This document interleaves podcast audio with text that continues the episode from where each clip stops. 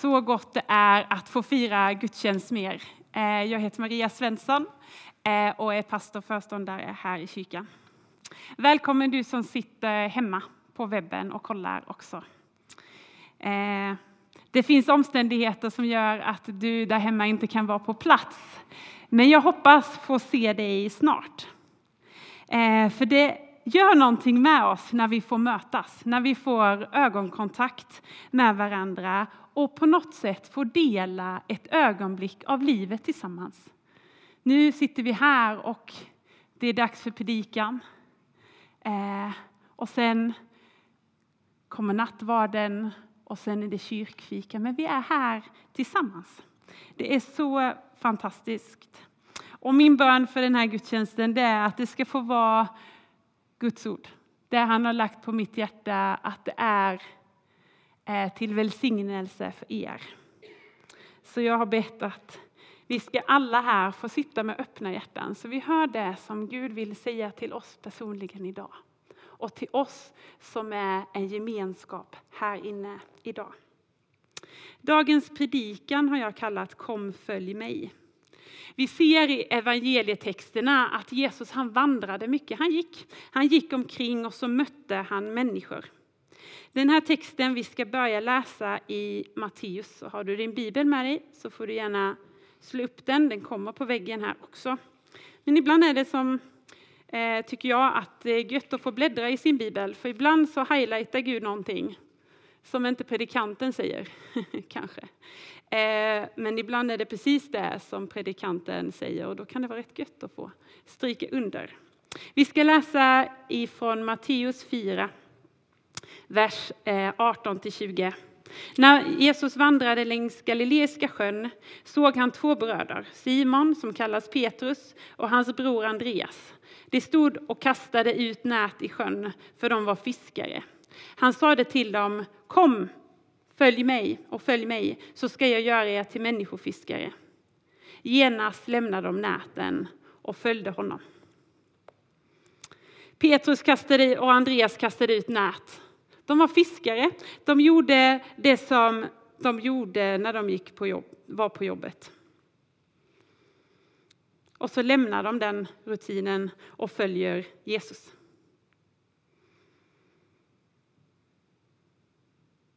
Genast, står det. Så följer de honom.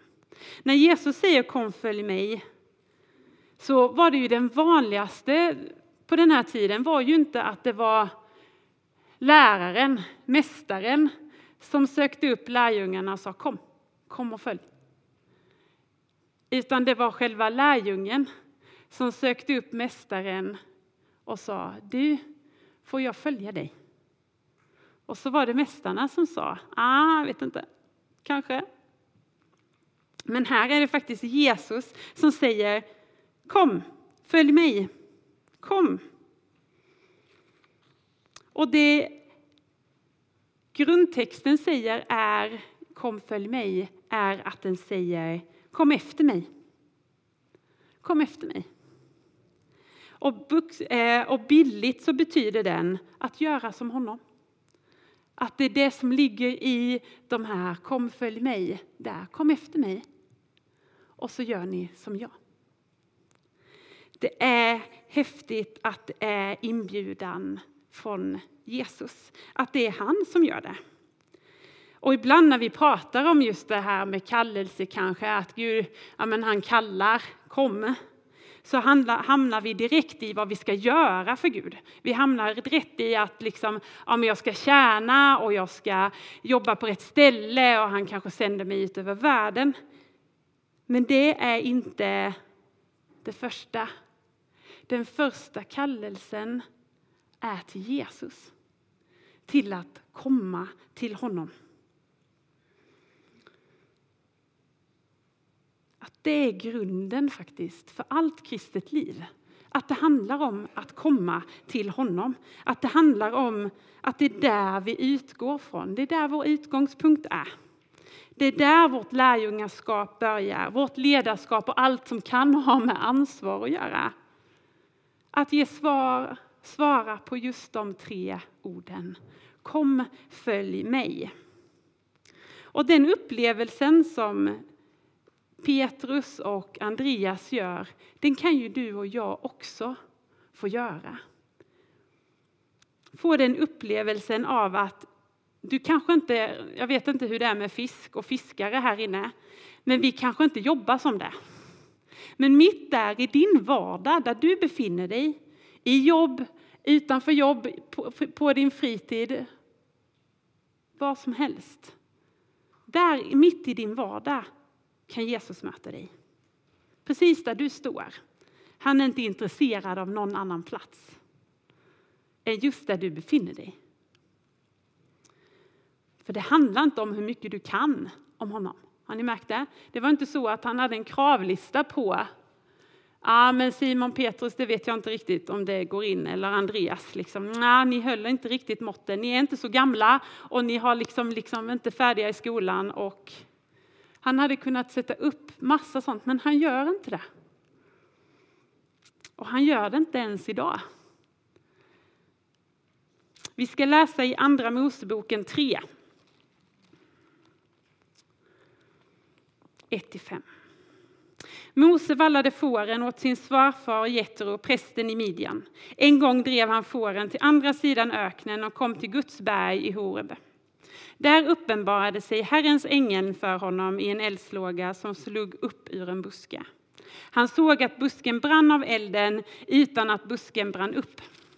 Då tänkte Mose, jag måste gå dit och se den underbara synen, varför busken inte brinner upp. När Herren såg att han kom för att se efter ropade Gud till honom ur busken. Mose, Mose. Han svarade, här är jag. Då sade Gud, kom inte närmre, ta av dig skorna, skorna, för platsen där du står är helig mark. Mose han var förundrad för han såg busken brinna, men den brann inte upp. Och så närmar sig Mosebusken. Och då ropar Gud på honom. Har ni tänkt på det? Då ropar Gud på honom och säger hans namn. Så Mose ser busken där borta. Förundras över det han ser. Han har inte fullt klart för sig vad det är som sker där borta. Men han förundras. Han blir dragen dit. Och när han rör sig ditåt, då säger Gud Mose. Kom. Han säger inte kom där, men när han säger hans namn så vågar ju Mose gå närmare. Och då fortsätter Gud tala till honom och säger du, ta av dig skorna. För platsen du står på är helig mark. Ibland så kan det vara en svag känsla att bara, är det Gud där borta? Eh, är, det, det, är det där, liksom, är det kyrkan jag ska gå till idag?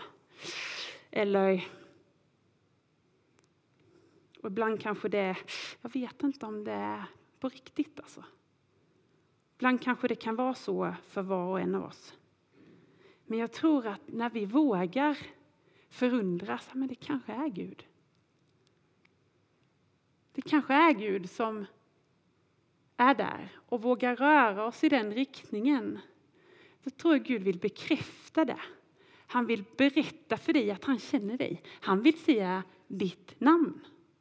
Så att du förstår att det är han. Så du kan ta av dig skorna, billigt sett, och möta honom. Och det handlar inte bara om att säga ja den där gången när man inser att Jesus är på riktigt och man bekänner honom. Utan det handlar ju om i vardagen, vi som kanske har sagt ja till honom och fortsätta följa honom. För följa, det gör man ju inte bara en gång för att man har sagt det, utan man får fortsätta göra det.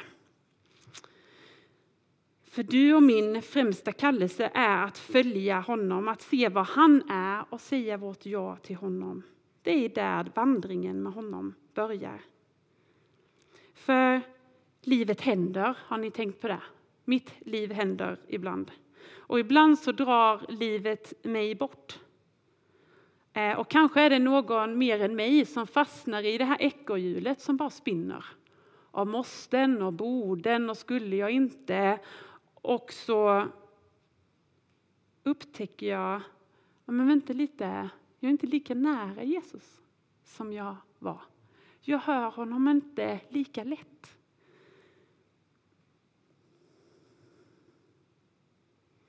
Att då, ja, att man har sin tro, men den där handlingen har fallit bort.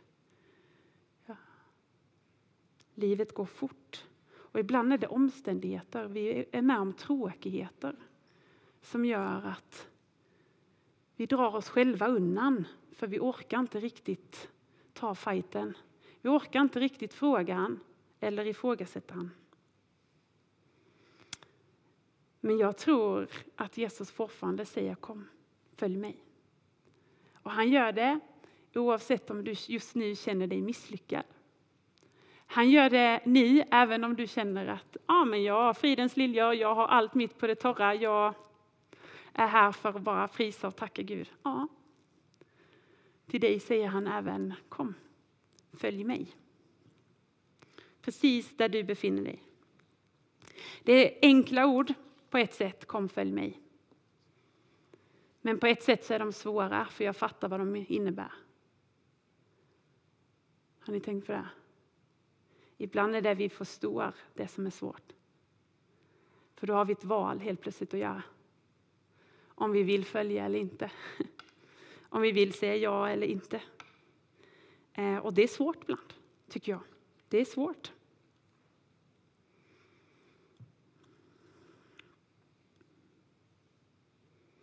För när vi har upptäckt Jesus och vi börjar följa honom, då leder ju det att Gud visar oss saker.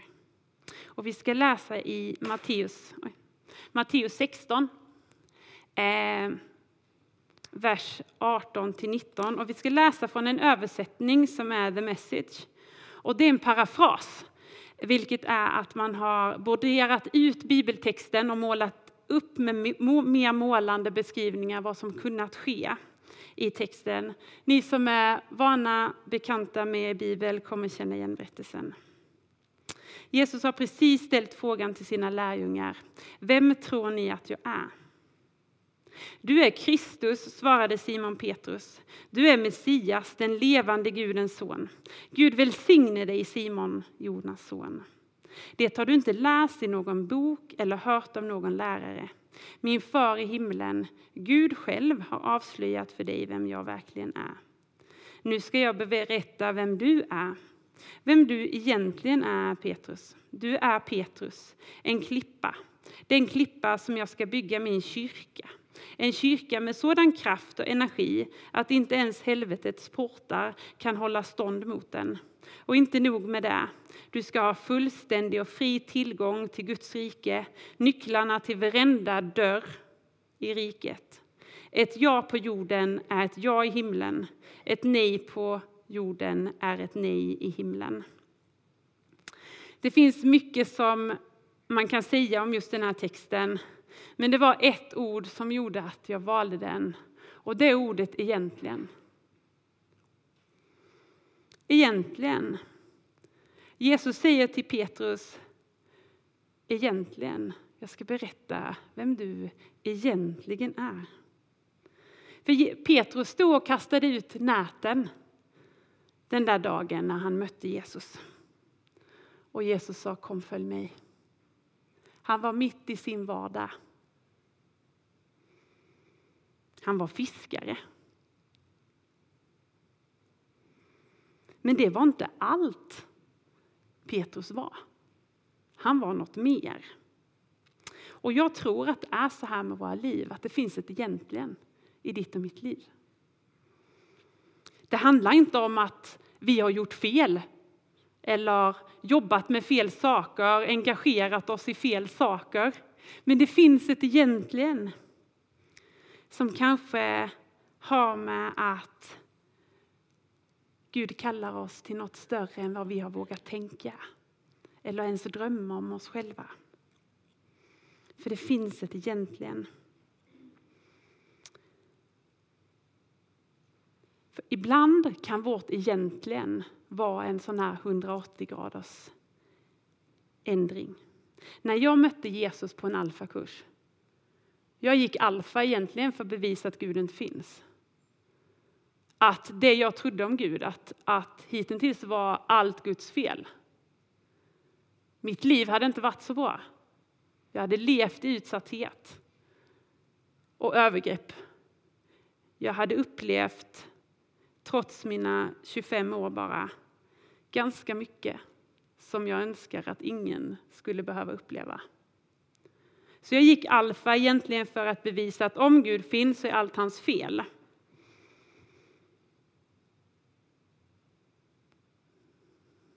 Och så var det inte så det blev. Utan han mötte mig med en kärlek som sa Maria, jag älskar dig trots allt. Trots allt det som har hänt, trots allt vad människor har gjort mot dig, trots allt vad, vad du har hittat på och själv valt att göra, så älskar jag dig. Och vet ni, han tittade på mig och slog inte ner blicken. För vet ni, Gud skäms inte för dig. Och han skäms inte för mig. Och då kanske du genast tänker, men jag har en lång lista här med vad jag har gjort Maria. Han kommer inte. Jo, han kommer älska dig. Och han skäms inte för dig. Han kommer aldrig slå ner blicken när du kommer till honom. Då hade jag definitivt inte stått här idag. För livet hade gått hårt åt mig och mina erfarenheter sa och hade skapat lögner som jag faktiskt trodde på. Men Jesus såg inte på mig som skadat Guds. Han såg mig och skämdes inte. Men ibland är vårt egentligen inte en 180 graders ändring från det liv vi lever, utan snarare en bekräftelse på att Gud vill bekräfta dig i det som du redan har upptäckt i ditt hjärta.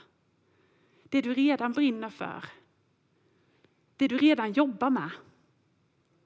Han vill bekräfta dig. Och därifrån den platsen, när vi följer honom, då sänder han oss. Men vet ni, han gör ju inte det och står kvar. Hejdå. Utan han följer oss. Det står att han ska vara med oss alla dagar. För att vara lärjunge till Jesus och säga att man vill följa honom handlar inte om att kliva in i massa regler och trosystem. Utan att faktiskt bli så hänförd av en person att man inte kan låta bli att vilja följa honom. Och då startar den processen att bli mer lik honom. Inte bara för några kristna som är där sådär rejält andliga eller för pastorer eller andra heliga eller duktiga eller präktiga eller flitiga och du kanske har fler ord. Utan för alla oss som på något sätt har blivit hänförda av Jesus. Som du dragit undan församling för att du tycker att du har misslyckats med att vara lärjunge. För att lärjungaskap bara blev en massa krav som du inte orkade leva upp till till slut. Idag kan man börja om. För det är inte du som ska fixa dig. Det är Gud som vill förvandla dig. Jag kunde inte fixa mig själv. Det var för mycket som var sönder. Det var för mycket delar som jag inte fick ihop. Men i att faktiskt följa Jesus, utifrån att jag tror att han är den han säger sig vara, jag tror att han är Guds son, att han har dött för att jag ska leva, att han har uppstått och att han lever. I den vandringen tillsammans med honom så har jag fått se hur han gör det trasiga helt. Fullständigt helt, för min skull, men också för andra att se. För mina vänner och familj kan ju se att jag är förändrad. Kan se att saker har hänt i mitt liv. Och det de vet är att det hade Maria inte kunnat fixa själv. Så oavsett om de har tagit emot Jesus och bejakat den tron eller inte, så kan de inte förneka att Maria har i alla fall inte fixat sig själv. Det måste vara något större. Det måste vara Gud. Vi har inget bättre svar än det Maria ger. Det måste vara Gud. Till sist här ska jag avsluta med lärjungen Andreas. Och jag vet att jag har predikat om honom innan. Eh, och jag började predika idag om ah, hur vi såg hur Gud kallade Andreas. När vi läser andra ställen om Andreas i Bibeln så har han en egenskap jag gillar. Andreas var en man som ledde andra till Jesus. I en annan text så säger han till Simon Petrus att du, jag tror jag har funnit, eh, funnit Messias. Andreas vågade bli funnen och överlåta sig till sanningen hos Jesus. Vågar du? Idag är det väldigt populärt att vara sökare. Ni har säkert hört det bland vänner och på stan och i nyheterna. Men man är sökare. Ja, men jag, jag söker. Och det är rätt populärt. Men vågar vi bli funna? Andreas vågade säga ja på Jesu fråga och följa. Han vågade överlåta sig till sanningen hos Jesus.